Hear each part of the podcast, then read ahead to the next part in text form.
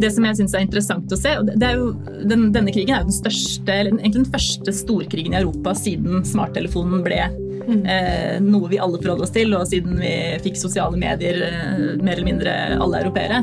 Sånn at det, eh, det gjør at eh, vi er, vi er jo på litt nytt eh, territorium også, mm. med å, med å navigere i det.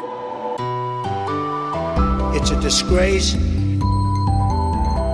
And I think they ought to apologize to start with. Dominere mediebildet. A failing media. Pile of garbage. Pause. False and fake, fake, fake, fake, fake, fake.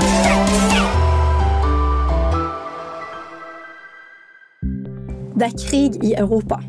I flere uker har de store norske mediehusene vært til stede i Ukraina og i Russland, og det er rapportert fra Russlands invasjon. Men nå er det for farlig også for journalistene, og de er på vei ut av landet. I denne spesialepisoden av Pressepodden skal vi prate om hvordan det er å være journalist i krig. Hvordan man rapporterer sannheten, og hvordan mediene vil fortsette å dekke krigen i nabolaget vårt. Velkommen i studio, Roy Krøvel. Du er professor ved Institutt for journalistikk og mediefag ved Oslo OsloMet. Du er også leder i forskergruppa MEC, medier i krig og konflikt. Tone Tveøy Strøm Gundersen, du er nyhetsredaktør i Aftenposten. Og Sofie Gran Aspenvik, du er redaksjonsleder i NRK Utenriks. Mitt navn er Kristine Sterud, og før vi går ordentlig i gang, så skal vi ha noen ord fra våre annonsører. TV det er jo ikke lenger bare en skjerm du har i stua. Hvordan ser vi egentlig på TV nå? Og hvordan vil vi se på TV i morgen? Dypdykk i innsikt og trender og få svar i Telias ferske TV-rapport Kampen om TV-seerne. Last ned rapporten på telia.no tv-rapport. Dagsrevyen er Norges største nyhetssending og styrker seg stadig digitalt. Nå søker vi en ambisiøs og erfaren reportasjeleder til fast stilling som brenner for å formidle nyheter med levende bilder. Les mer om stillingen på stilling.m24.no. her i studio skal rett og slett starte med å se og høre et lite utdrag fra et intervju vi i Medier24 gjorde i går med korrespondent i NRK Gro Holm. Hun var nylig i hovedstaden Kyiv, eh, men i det vi skal se, så er hun og fotografen på vei i bil tilbake mot eh, Norge. Vi har tatt av oss, eh, tatt av oss de skuddsikre vestene og hjelmene for ganske lenge siden. Det hadde vi på bare til å begynne med fra de første timene sørover fra Kyiv. Hvorfor, hvorfor drar dere? Vi drar fordi vi var eh, eh, Altså, det var bombing og eh, rakettangrep eh, på alle på tre kanter av der vi holdt til. Eh, egentlig så var det også noe bombing, men litt lenger unna på, på vestsiden. og vi vurderte det sånn at det var, og NRK vurderte det sånn at det var for usikkert, usikkert å, å bli. Det var for usikkert å bli, sier Holm på slutten her. Og Sofie Gran Aspenvik, eh, hva var det som skjedde? Nei, Gro Holm oppsummerer det jo helt uh, riktig. Vi uh, var i Kiev. Først bodde vi i Kiev sentrum. og så flytta vi etter hvert litt til, ut til utkanten av sentrum. og så var det jo, og er, en veldig uoversiktlig situasjon i Kiev. vanskelig å vite Eh, hvor kampene pågår, eh, hvor, eh, hvordan situasjonen i byen kommer til å utvikle seg. Vi hadde et team som hadde vært lenge i, i Ukraina, i en, rundt to uker. Og det åpna seg et vindu for å dra da i, i, helgen, og da valgte vi å gjøre det. Og dere i Aftenposten har jo egentlig gjort lignende, lignende beslutning. Mm. For når vi spiller inn denne episoden her, så er det tirsdag 1. mars, og i dag sier dere at dere er helt ute av Ukraina. Mm. Hvorfor har dere valgt å gå helt ut? Egentlig akkurat den samme begrunnelsen som NRK. At vi hadde tre reportere, to journalister og en fotograf, som, eh, som har vært i Kyiv. Og øh, vurderingen etter hvert var at det ble så uoversiktlig. Eh, de har jo oppholdt seg, som de også har rapportert om, i et bomberom nå i noen dager. Øh, og med portforbudet var det heller ikke mulig å komme ut og rapportere.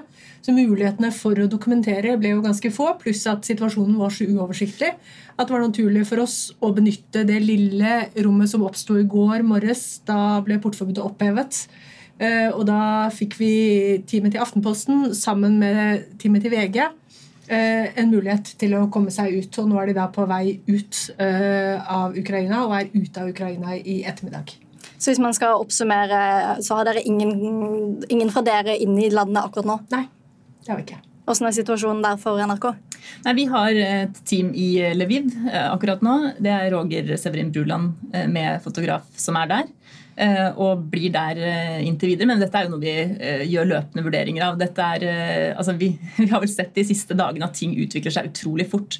Og For en uke siden så trodde vi ikke at vi skulle stå her og snakke om dette nå. og Det tror jeg er ganske sånn beskrivende for hvordan det er å jobbe i Ukraina nå. Vi må ta nye vurderinger hele tiden og vurdere ut fra det som er liksom de reelle, den reelle situasjonen på bakken. Så, så dette vurderer vi hele tiden fortløpende framover. Ja, det er fortløpende vurderinger, men eh, Tone, hvordan, hvor krevende er det for deg å sende da, journalister ned til et sånt område hvor man ikke vet hva som skjer i neste uke? Ja, I utgangspunktet så er jo det selvfølgelig krevende, men, men her er det jo flere hensyn som veier mot hverandre. Det ene er jo hensynet til å kunne rapportere og dokumentere spesielt hva som skjer i krig. Fordi det er viktig at mediene er til stede og kan rapportere hva som skjer på bakken. Men øh, vi gjør jo veldig nøye sikkerhetsvurderinger. Vi har en utenrikssjef som er erfaren, og som er i stand til med hjelp av andre å gjøre den type sikkerhetsvurderinger hele tiden. Og han har jo sittet, siden vi sendte øh, teamet ned, så har han sittet med de vurderingene hele tiden. Så det er, det er, en fortløpende vurdering, og når situasjonen blir så farlig som vi opplever at den har blitt nå i Kyiv, så er det selvfølgelig ikke aktuelt å være der for oss. Da, da, er det viktig å, å, benytte muligheten til å få dem ut. Og så må vi finne andre måter å rapportere godt på. Eh, og kunne formidle hva som skjer også fra bakken, men da, da finne eh, andre veier inn for å kunne rapportere godt. Mm, det skal vi jo snakke litt mer om eh, etter hvert. Aller først tenkte jeg vi skulle se en liten eh, statusrapport nettopp fra Lviv eh, vest i Ukraina. Der har jo NRK en mann, men der befinner òg TV 2 sin Øystein Bogen og fotograf Åge Aune. Så vi skal se og høre noen minutter hvor de forteller hvordan eh, de har det akkurat der. Det som kanskje er mest kompliserende her, er nok eh, dette med de stadige flyalarmene. Det har jo ikke vært noe bombing, men flyalarmer har det vært opptil fire-fem ganger dagen. Og da må vi jo avbryte arbeidet og dra i tilfluktsrommet. Åge, hva syns du? Hvordan er det å jobbe her? Nei, Foreløpig har det gått uh, ganske greit. Det var utfordrende å komme hit fordi Eh, det, litt, det, tok veldig lang tid å komme over grensa. Eh, vi eh, kjørte bil og tok med oss en leiebil inn. Det har vært nyttig for oss, for da er vi ikke avhengig av å, ha, å finne bil og sjåfør her i Lviv.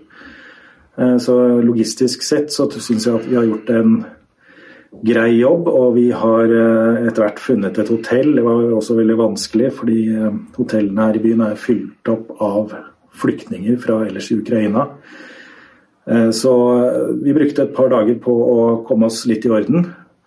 Akkurat nå føler vi at vi bor på et eh, ålreit sted, og at vi har eh, kontroll på omgivelsene våre. Når det gjelder når vi eventuelt har tenkt oss ut, så har vel ikke vi noen spesielle forhåpninger om at det blir mulig å ta seg ut av Ukraina så lenge det pågår kamphandlinger her. Så det kan jo bety at vi blir her i noen dager eller uker til. Fordi på alle grenseovergangene nå så er det køer som eh, strekker seg i mange, mange mil, og det er snakk om eh, kanskje flere døgn å vente på å komme seg ut enkelte av de stedene. Ja, Det er litt urovekkende å kanskje tenke over at eh, vår exit-strategi eh, høres tilfeldig ut, men vi har altså planer for å kunne komme oss ut av landet hvis det skulle bli nødvendig. Foreløpig så føler vi vel imidlertid at det er relativt trygt å være her, og at det er viktig at vi er her og setter søkelys på spesielt flyktningsituasjonen, som nå er i ferd med å utvikle seg noe voldsomt. De er jo nå i Lviv, men eh, vi skal jo dra dette opp til å handle hakket mer generelt generelt og ikke bare om eh, TV 2 sin situasjon. Og Roy Krøvel, du har jo sjøl dekka konflikter. Og du underviser og du er koordinator på et doktorgradskurs som handler nettopp om trygghet for eh, journalister. Hvilke sikkerhetstiltak må de journalistene som er i Ukraina akkurat nå eh, gjøre? Det er en veldig spesiell situasjon i Ukraina. På den ene sida har du norske journalister som håndterer språket, f.eks., og som kjenner kultur og har en bakgrunn som setter dem i stand til å improvisere fram løsninger i vanskelige situasjoner. Men så er det andre journalister som reiser inn uten å ha den bakgrunnen og det er mye vanskeligere. Og med en gang så må man nå tenke på å etablere gode nettverk. Eh, folk som en har tillit til, og folk som en kan stole på, som kan hjelpe deg i forskjellige situasjoner. Jeg må passe på å planlegge naturligvis veldig godt hva som skjer i ulike risikosituasjoner. Spesielt hvis du må ut på kort varsel. Men det kan også komme i den situasjonen at kanskje du blir skadd, kan ikke reise ut. Kanskje må noen andre ta vare på det, eller kanskje må du ta vare på din kollega. Så er det veldig mange ting som må planlegges nøye. Og ikke minst så må det planlegges sammen med reaksjonen hjemme. Som de store reaksjonene faktisk er gjort veldig store framskritt på de siste åra. Og det som er spesielt vanskelig akkurat nå, så jeg tenker den eh, konflikten her illustrerer, det er at så mye falsk informasjon ute og går. Og det, det, kan, det, kan en godt tenke på som et problem for oss som skal prøve å forstå. Men for journalisten som er på bakken og trenger å vite hva de ulike troppene holder på med, hva de er, hva de rykker fram, hva står de stille, hva, hva er det som egentlig foregår, så er det et sikkerhetsproblem i tillegg. Mm. Så verifisering av falsk informasjon er veldig viktig for redaksjonene for å ta vare på journalistene også som er ute i felten. Dette med desinformasjon skal vi snakke enda mer om uh, seinere. Men uh, Dere kan, kan, kanskje ikke gå i detaljer på hvilke sikkerhetsplaner dere har, men hvor omfattende er de planene dere har når dere har uh, journalister i krigsområder? Ja, altså, om, og Jeg vet ikke om ordet omfattende egentlig er riktig, men, men, det handler jo om akkurat som du sier, å gjøre alle de vurderingene. være opptatt av scenarier, mulige scenarier, ha gode tiltak basert på hva som hva, hva, som kan skje og hva som kan oppstå. Uh, og så har jo veldig mange av de som reiser ut, har jo sikkerhetskurs, sånn at de har vært gjennom en god del trening i forkant. Uh, fordi de skal være forberedt på å reise ut. Og så er det veldig veldig viktig at de har god kontakt med hjemmeredaksjonen til enhver tid. som du sier. Både et fast kontaktpunkt i form av ledelse, men, men også at de blir, har god kontakt med, med, sine, nei, med, med kollegaene sine og med reportere som jobber med de samme områdene, og som kan gi dem informasjon. Og Der har vi jo heldigvis eh, en del god kommunikasjon. Men Det er klart det er særlig utfordrende i land som Russland, Ukraina, hvor, hvor vi ikke nødvendigvis kan bruke de vanlige systemene våre. da. Fordi det er veldig lett eh, gå galt. Det kan jo fort bli hacket eller overvåket. eller eller det finnes andre områder. Det, men dette er jo en situasjon vi er kjent med fra OL i Kina. Altså, så ja. Mm. Mm. Og De vi hørte fra TV 2, de sier bl.a. at de kjører sjøl. De har ikke leid noen sjåfør. Eh, så Roy Krøvel, dersom man bruker lokal hjelp når man er og dekker eh, slike oppdrag, hva er det man må tenke på da? Jeg tenker Det aller viktigste er at eh, det er farligere for de lokale enn for deg. De fleste som blir drept i konflikter i dag, blir, kommer fra små nyhetsmedium.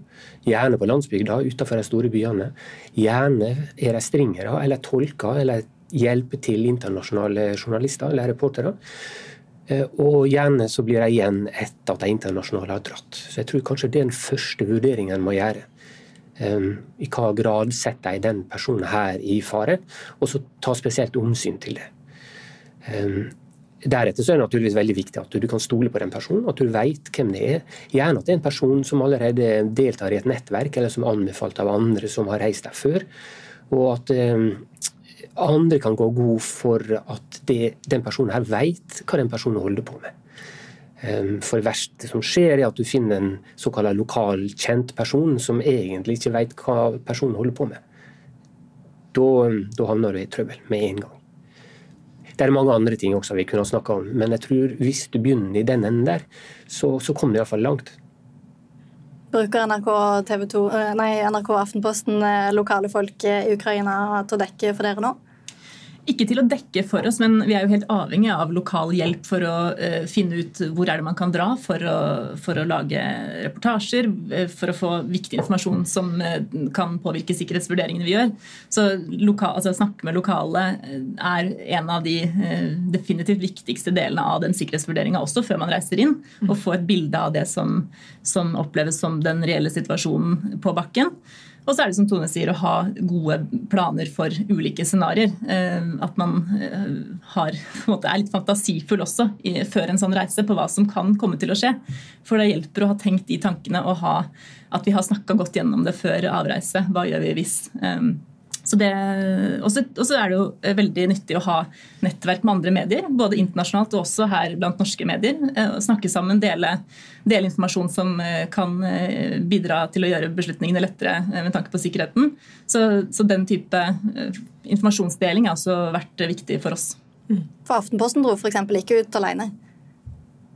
Alene, mener du? Nei. Samarbeider dere ikke med VG for å komme dere ut? Ja, Eller- eh, eh, ja, altså de var jo på VGs team og Aftenpostens team var jo på det samme hotellet og i det samme bomberommet. Så ja, det har vært et veldig, veldig godt samarbeid eh, mellom Aftenposten og VG for å, å legge til rette for at de skulle komme seg ut. Ja. Mm. Helt uvurderlig, vil jeg si. Men eh, Sofie i NRK, eh, hva vil du si at det tilfører deres journalistikk det at dere har egne folk som er i landet? Jeg tror det er eh, helt utrolig viktig. Og det er på en måte journalistikkens aller fremste oppgave. Da, det vi står i nå. Å ha folk som med egne øyne eh, og med egne beskrivelser kan gi det et bilde, det som skjer i Ukraina.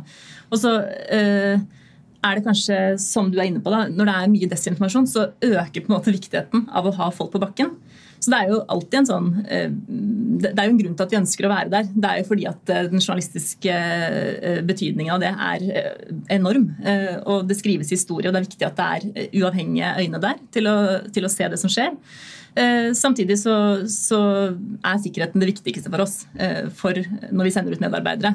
Så det er jo med oss hele tiden, men vi gjør jo da alt vi kan for å redusere den sikkerheten og ivareta den, samtidig som vi eh, er veldig opptatt av at de som reiser ut, gjør en enormt betydningsfull jobb. Mm.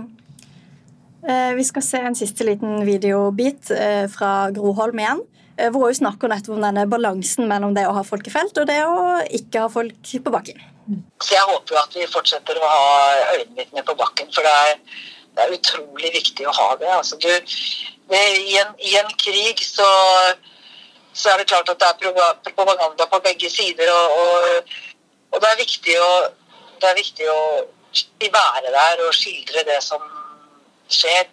Du, du kan aldri få hele bildet når du er ute i krig og som krigsreporter. Du ser bare en liten flik. Så det, vi er veldig avhengig av folk hjemme som sitter og sjekker kilder og sjekker opplysninger som kommer. Og det er veldig viktig å ha det samarbeidet. Det er propaganda på begge sider, eh, sier Groholm her. Og vi sier jo ofte at eh, sannheten er krigens eh, første offer. Og det er stor fare for desinformasjon når det er krig. Men hva slags farer og propaganda vil du si at det er snakk om, Roy Krøvel? Veldig ofte er knyttet til bruk av bilde, f.eks. For. Fordi fortsatt har folk en forestilling om at bildet det forteller noe sant. forteller et eller annet. Så veldig ofte ser man at videoklipp eller bilder er tatt ut av sin kontekst og framstilt som noe annet enn det de er. Og Det er en veldig vanskelig sak å etterforske. Men de som gjør det veldig godt, f.eks. BBC, har laga tverrfaglige team. Lingvister f.eks., som er i stand til å høre hva dialekt som de snakker. Ikke bare hva språk, men hva dialekt av russisk. Prøve å plassere videoen eller fotoen geografisk. Så kan du ha satellitteksperter som prøver å se hvem er det som har vært der på forskjellige tidspunkt. Eller du kan ha geolokalisering av f.eks. foto på Twitter, eller hva det måtte være. Så det å trekke sammen et tverrfaglig team som kan avsløre forsøk på propagandakrig, det tror jeg er viktig. Eh, Både for at eh, folk flest skal ha tillit til journalistikk. Journalister er strengt, og redaksjoner er strengt tatt eneste som gjør det her massivt i dag. For på Twitter eller på TikTok eller andre plasser så flommer det over av falsk informasjon som skaper forvrengte bilder av hva som foregår. Og dette med å ha tverrfaglige grupper, eh, hvordan jobber dere i Aftenposten med nettopp verifisering av alt det materialet som finnes der ute? Vi startet egentlig med det helt fra, fra første dag da, da det kom beskjed om invasjon. Og så har vi nå har vi liksom fått satt oss i en egen gruppe som bare jobber med å verifisere bilder og videoer basert på åpne kilder. Og, og det er jo viktig, med, særlig med tanke på det du sier, at det er så mye informasjon. Så mange tilgjengelige bilder og videoer hele tiden. At det å liksom ha, ha kunnskap og være i stand til å verifisere hvorvidt de bildene eller videoene er riktige før vi publiserer, det er jo helt, altså, helt avgjørende kunnskap. Og spesielt viktig i krig og konflikt. Og spesielt viktig når vi ikke det vil si, ikke når vi ikke får vært på bakken. Vi får jo uansett aldri vært på bakken i hele Ukraina. Sånn at det å, å hele tiden kunne se hva som foregår, fordi det er mye tilgjengelige bilder og video, men samtidig være opptatt av å verifisere at det faktisk er det riktige vi gir, eh, det er viktig. Så nå har vi en egen gruppe som, som bare jobber med det. Hva slags eh, kilder er det dere bruker da, for det dere skriver? Veldig mange ulike kilder. Eh, De, de ser mye på Telegram, ser mye på, på, på, på ulike kilder. sånn at Vi kan godt bruke mange kilder, men poenget er jo det arbeidet vi gjør i redaksjonen med kildekritikken. Og med verifisering som sagt, av hvorvidt bildene og videoene er riktig. Og Da handler det jo om det du sier. altså Man ser på alt fra skygger til hvor solen står, til å se på farge på bygninger, undersøke basert når du ser en video, gå inn i Google Maps, se om det stemmer, sjekke lokasjonene, geolokasjoner. Altså alle disse detaljene som, som tar ganske mye tid, men som jeg mener jo er verdt investeringen eh, hvis vi skal tenke at vi skal rapportere eh, riktig. da og skille oss ut ikke minst fra den informasjonsflommen av desinformasjon som pågår hele tiden. Mm. Og dette arbeidet vet jeg dere i NRK også driver med. Har dere oppdaga noe som er usant, f.eks.? Altså, vi har jo sett eksempler i sosiale medier på videoer og bilder som deles som om det kommer fra eh, krigen i Ukraina nå, men som viser seg å være gamle eller fra andre kriger. Det har vært bilder fra Syria, eh, luftangrep i Syria som har vært spredt som, eh, som, at det kommer fra Ukraina, og så gjør det ikke det. Så det er klart at det er en, eh, blitt en, en, stor oppgave for oss å gjøre den verifiseringsjobben, men der opplever jeg nok at bransjen har flytta seg veldig, og at det har blitt et mye større fokus på det. Kompetansen har helt sikkert økt også også. Mm. I takt med at det har blitt et, eh, noe som brukes mer aktivt i, i eh, krig. Eh, så der tror jeg det har skjedd mye på ganske kort tid, egentlig. Mm. De sier at de er gode på det. Roy vil du som forsker på dette, er utviklinga si, ferdig, eller hva videre kan vi gjøre for å bli enda bedre på akkurat disse type tingene? Det er blant de tingene som har gått veldig fort framover. Det er helt sikkert i norsk mediebransje, men der tror jeg også både journalistutdanningene, men også journalister, har en lang vei å gå, faktisk. Og kanskje kan vi lære litt av BBC eller Guardian eller store internasjonale medier, men jeg tror faktisk om vi samarbeider tettere med datavitenskapelige miljø i Norge, også bruk av kunstig intelligens og satellittmiljø, mm. så kan en, om vi greier å få det til på tvers av redaksjoner og på tvers av akademia og journalistikk, kanskje forberede oss enda bedre til ja, Håper ikke det blir det neste gang, men vi må være forberedt. Vi her i Norge liker jo å tro at vi er litt spesielle. Og når det kommer til TV-vanene våre, er vi faktisk det. Bare se selv i Telias ferske TV-rapport 'Kampen om TV-seerne'. For mens de på andre siden av Atlanteren nesten bare strømmer, vil vi her hjemme helst ha i pose og sekk. Finn ut mer, last ned rapporten på telia.no tv-rapport. Dagsrevyen er Norges største nyhetssending og styrker seg stadig digitalt. Nå søker vi en ambisiøs og erfaren reportasjeleder til fast stilling som brenner for å formidle nyheter med levende bilder. Les mer om stillingen på stilling.m24.no. Men den vi står eh, midt oppi nå, er jo bl.a. Eh, Russland på den ene sida. Og de statlige kanalene der eh, de sier jo at dette ikke er krig. De kaller det ikke en krig, de sier at det er en fredsbevarende operasjon. Hvordan skal vi som journalister forholde oss til sånn type språkbruk? Det er jo en form for desinformasjon. Og det er jo eh, ikke noe nytt. Dette har man sett fra russisk side siden 2014 og siden de tok Krimhalvøya med makt. At man har brukt et språk som tildekker det som skjer, og som, som tåkelegger sannheten. Man, bruker, eh, man bruker, har brukt eh, ord som at det skjer et folkemord i Øst-Ukraina, selv om det er tilbakevist og, og, og, helt feil. Man kaller det en militær operasjon istedenfor en krig. Det, den type ordbruk er med på å Eh, flytte fokus vekk fra det som skjer, og er en, en strategi for å eh, på et eller annet vis legitimere eh, det russerne nå gjør, som er en fullskala invasjon av et naboland og en, en krig, rett og slett. Men hvordan skal vi forholde oss til det? Skal vi skrive 'de hevder at dette skjer', eller skal man bare ignorere at de påstår det, og heller si 'dette er det som faktisk skjer'? Jeg tror vi må være veldig klare på at vi bruker de ordene som er riktig å bruke på det, og at ikke vi lar oss forlede av den ordbruken.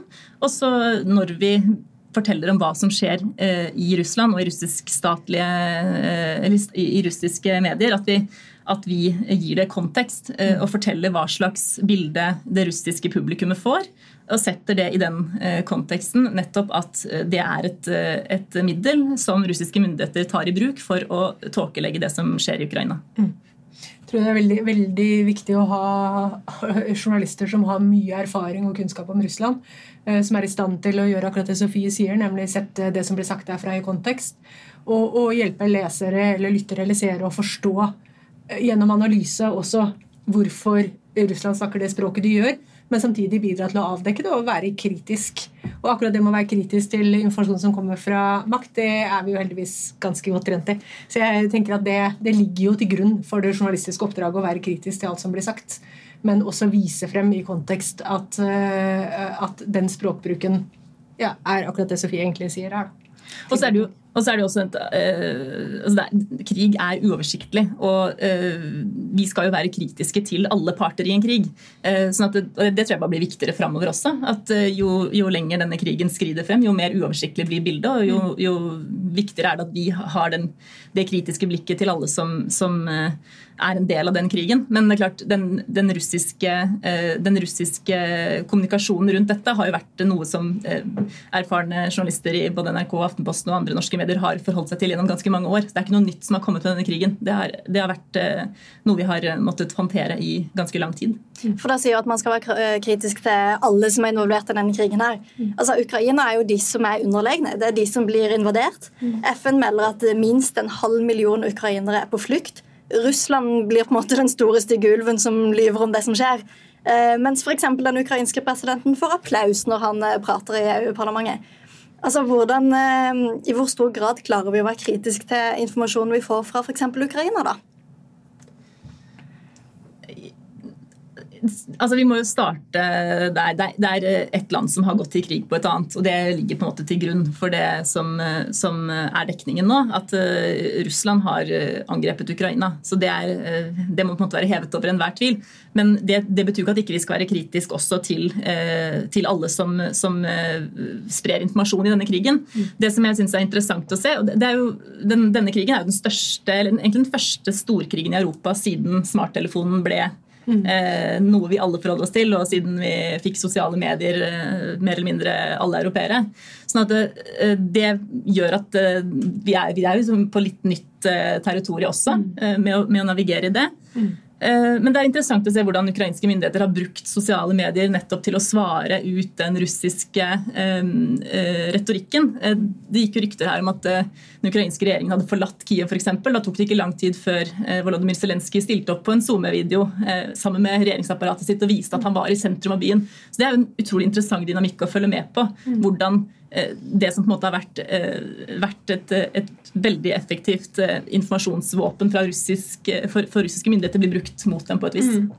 Men også en, sånn, også en, sånn, video må, jo, må man jo jobbe med å verifisere. For det er klart at, at også videoen mm. hans der han går i gatene, må jo må jo gjennomgå de samme kildekritiske vurderingene som alle andre videoer som kommer, og sjekke at det er riktig. For det er klart at alle har jo muligheter til å publisere en sånn video som kan være tatt opp flere dager i forkant, f.eks. For eksempel.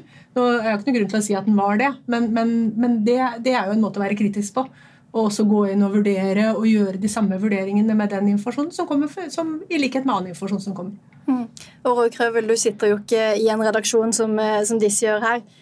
Hvordan opplever du at eh, norsk presse ivaretar den, man kan kalle det, en journalistisk balanse i, i konflikten? Ja. Jeg tenker aller først at jeg er ikke så fryktelig glad i ordet balanse. for det kan føre oss på ville veier. Skal, så hva skal være balanse mellom? F.eks. klimasaker. Skal det være balanse mellom de som er skeptiske og de som er forskere? Eh, og I Ukraina-spørsmålet så er det mer konkrete vurderinger av om det stemmer eller stemmer ikke. Altså Prøve å være objektiv i stedet for um, i, i alle fall forsøke å gjøre ærlige, oppriktige vurderinger av sannhetsgehalten i det som blir sagt og presentert fra begge sidene. Det synes jeg er viktig. Hovedproblemet fra Russlands side er antageligvis at de starta med å påstå at nei, nei, nei, nei, vi skal ikke ha en invasjon. Og så gjorde de det. Og Fra det øyeblikket så er det veldig vanskelig å komme tilbake igjen og få troverdighet. Og Samme situasjon kan oppstå i Ukraina dersom de begynner å overflømme oss med falsk informasjon. Da vil de også få den samme, samme troverdighetsproblemet. Troverdighet er noe en eh, må gjøre seg fortjent til. Og hvis en ikke gjør seg fortjent til det, så er det fryktelig vanskelig å komme tilbake. Mm. Så må jeg kanskje også si at eh, noen av de teknikkene vi ser forsøkt brukt i dag, har vi sett både i Irak og i Afghanistan. Også amerikanske forslag, forsvaret har egne avdelinger som jobber med psykologisk krigføring f.eks., og som jobber med journalistikk. Og presenterer det som journalistikk. Og Vi kan heller kanskje reise spørsmål om var vi flinke nok da til å være kritisk til informasjon. Mm. men det er kanskje på sida av det vi skulle diskutere her i dag. Er vi flinke nok i dag til å være kritiske til den infoen vi får? Vi skal um, jobbe hardt med det, men vi er faktisk inne i en fase der kritisk å ettergå informasjon kanskje er veldig bevisstheten til alle journalister og redaksjoner på en helt ny måte. Og Det ser en naturligvis i sånne, sånne store faktasjekkorganisasjoner over hele verden. Og Det vil kanskje ikke legge skjul på at mye av det blomstrer opp voldsomt etter at Trump ble president og valgkampen i, i USA. Der det gikk opp for oss at uh, vi kan ikke automatisk stole ikke engang på presidenten i USA. Så vi må være kritiske til den infoen vi får. I starten eh, av denne episoden så kalte jeg dette for en krig i nabolaget vårt. For det har jo vært kriger i verden, men denne er kanskje den nærmeste på veldig lang tid. Dekker dere denne krigen annerledes enn dere har dekka tidligere kriger? Uh, nei, altså Den er jo annerledes på mange måter fordi den er i Europa, men, men, men dek, dekningen og prinsippene for journalistisk dekning vil jo være like. Uh, og tilsvarende i andre typer katastrofer eller kriger eller alt, at, at, vi gjør mye av det samme. Men her er det jo det er jo som Sofie sier, at dette er kanskje den første krigen i, i Europa hvor smarttelefonen f.eks. er tilgjengelig. Det har jo noe å si. Hvordan tech-gigantene opererer i krig, har jo veldig mye å si. Det har kanskje ikke vært like til stede tidligere. Så det vil jo være nye dimensjoner. Men det, er liksom den grunnleggende journalistikken, eh, som handler om å dokumentere konsekvenser, ettergå eh, informasjon og, og, formidle hva som skjer, den vil jo være relativt lik uansett. Ja. Og være en sånn helt grunnleggende del av oppdraget vårt. Mm. Mm. Det er jo en, eh, en, krig som har vart nå Nå blir det? En, en uke. Mm. Uh, og det er sterke inntrykk vi ser i nyhetene. Det er sterke inntrykk for de som er i felt. Gro Holm nå så vi ikke klipp av det, men hun fortalte jo til oss at hun ser familien som skilles på, på grensa. Mm. Eh, så det er både reportere som dekker det og ser det med egne øyne. Eh, men det er også reportere som sitter hjemme på desk og skal bearbeide dette og, forklare det videre uten at vi vet hvor lenge de må sitte og snakke om, eh, om akkurat disse type tingene. Hvordan kan vi ivareta de journalistene her hjemme som òg følger dette veldig tett? På, på, flere måter, tror jeg. Uh, selvfølgelig hjelper det å snakke om det, og det gjør vi jo mye også hos oss. Dette har vært en Ja, du, sier, du sa det var én uke, og da fikk jeg litt sånn Hæ, er det bare én uke? Det føles som vi har stått i dette lenge, for det har, det har vært et, et, oppløp også før den faktiske invasjonen, ja. som, har vært, som har vært krevende over ganske lang tid. Men jeg tror eh, det hjelper å snakke om det. Eh, og, vi kjenner nok alle på en litt sånn eh, altså spesiell følelse knytta til det som skjer akkurat nå. Og vi snakker mye om det i redaksjonen. Og så har vi gode rutiner i NRK for også å, å jobbe med det eh, mer profesjonelt og få hjelp til å håndtere det. Eh, og det, det, kommer vi til å ha et fokus på fremover også, for å sikre at alle som, som jobber med dette, får mulighet til å både koble av, fordi det er ganske altoppslukende for tida, mm. og samtidig også få bearbeide de sterke inntrykkene som, som man jo blir eksponert for nå. Mm. Jeg har egentlig ikke så mye å tillegge annet enn det Sofie sier. og jeg tror jo, altså Når man driver med journalistikk på den måten, så blir det jo naturlig nok en veldig stor del av liksom, samtalen i redaksjonen. Og det er jo sak nummer én. Eh, for alle de store redaksjonene så er det veldig mange som jobber med det. Eh, til nesten alle døgnstider, og Det betyr jo også at man har veldig gode muligheter til å snakke sammen. Snakke med lederne, eh, og selvfølgelig ha veldig gode debrifer med de som trenger det, og de som har vært utsatt for sterke inntrykk. ja. Hvor lenge tror du det kommer til å fortsette å være sak nummer én? Nei, det, eh, jeg, synes, jeg, tenker at eh, det ikke er så lenge siden vi snakket om at, eh, at det opplevdes som at Russland kom med trusler som kanskje ikke ville bli realisert. Og så ble de realisert, og nå tenker jeg at det er helt umulig. Jeg klarer ikke å forutsi det. Jeg vet ikke. Synes det er fullstendig uoversiktlig hva neste steg blir. Det kan vare veldig lenge, og det kan vare kortere. Er, jeg har ikke noe spådom om det. Heller ikke hvordan dere kommer til å dekke det? Jo, altså at vi kommer til å dekke det som en veldig stor og dominerende nyhetssak nå så, så lenge dette pågår, det er jo åpenbart. Jeg ser jo at behovet for informasjon hos leserne er helt enormt. Virkelig. Så det er det ikke noe tvil om. At vi kommer til å ha det som sak nummer én så lenge det pågår. Og eventuelt eskalerer. Mm Mm. Vi skal rett og slett begynne å, å runde litt av. Men eh, jeg kan jo egentlig ta en liten runde med, siste runde med dere nå. Eh, hva er deres eh, beste råd til de reporterne som sitter på desk og egentlig rett og slett dekker sin første krig? Jeg tror Jeg tenker at heldigvis å være i en stor redaksjon der du har mange reportere som har veldig mye erfaring, det kommer utrolig godt med for de nye. og de reporterne hos oss som har mye erfaring, de opplever jeg som veldig sånn delevillige. De forteller mye, formidler mye, støtter, hjelper, bidrar. Så jeg tror kanskje at det er det noe av det beste vi kan gjøre, er å passe på at vi har team som består av både erfarne reportere og, og, ferske reportere. Og det er de som har erfaring, enten med Russland eller andre typer kriger, at de, at de får være sammen. da. Eh, det tror jeg, tenker jeg i hvert fall selv at Da jeg begynte i Aftenposten, så var det en veldig fin ting å lære av de som eh, har gjort, eh, gjort det tidligere, og som har erfaringer. Mm. Jeg er helt, helt, helt enig. Og så at man bruker hverandre. Eh, ikke er redd for å snakke med lederen sin hvis man eh, kjenner at det blir voldsomt i en sånn grad at man trenger å, å snakke om det. Det kan egentlig, trenger ikke å være det heller. Man kan gjøre det også bare for å få ventilert litt. Og så eh, tror jeg også at eh, det er mange som Eller jeg hører i hvert fall det på, eh, i NRK, at det er mange som opplever det også som veldig meningsfylt å jobbe nå. Og det, er jo, det kjenner jeg også igjen fra tidligere kriser og kriger kriger og vanskelige situasjoner at eh, journalister ofte finner det veldig betydningsfullt, og mm. det gir mening, og det føles viktig. Og da er det jo også en, det er jo en hjelp i det. Mm. Ja, det finnes faktisk belegg for det i vitenskapen. Det er gjort undersøkelser, mange undersøkelser. Mm. Og en av de aller viktigste handler om etikk dersom du føler at du har gjort en god jobb, og hvis du føler at du har handla etisk rett og gjort noe viktig, så er du veldig mye mer robust enn om du blir i tvil om, om det her var rett. Mm. Mm.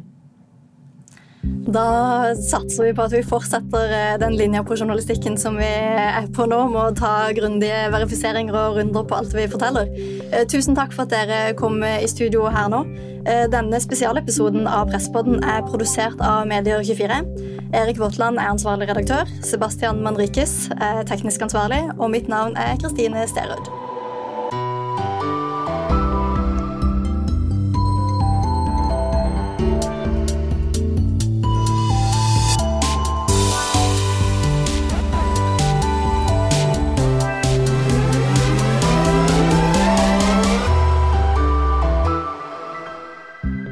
Er jo ganske kult når vi alle ser noe helt samtidig. Som når gullmedaljen sikres, eller vi sitter klistret for siste episode.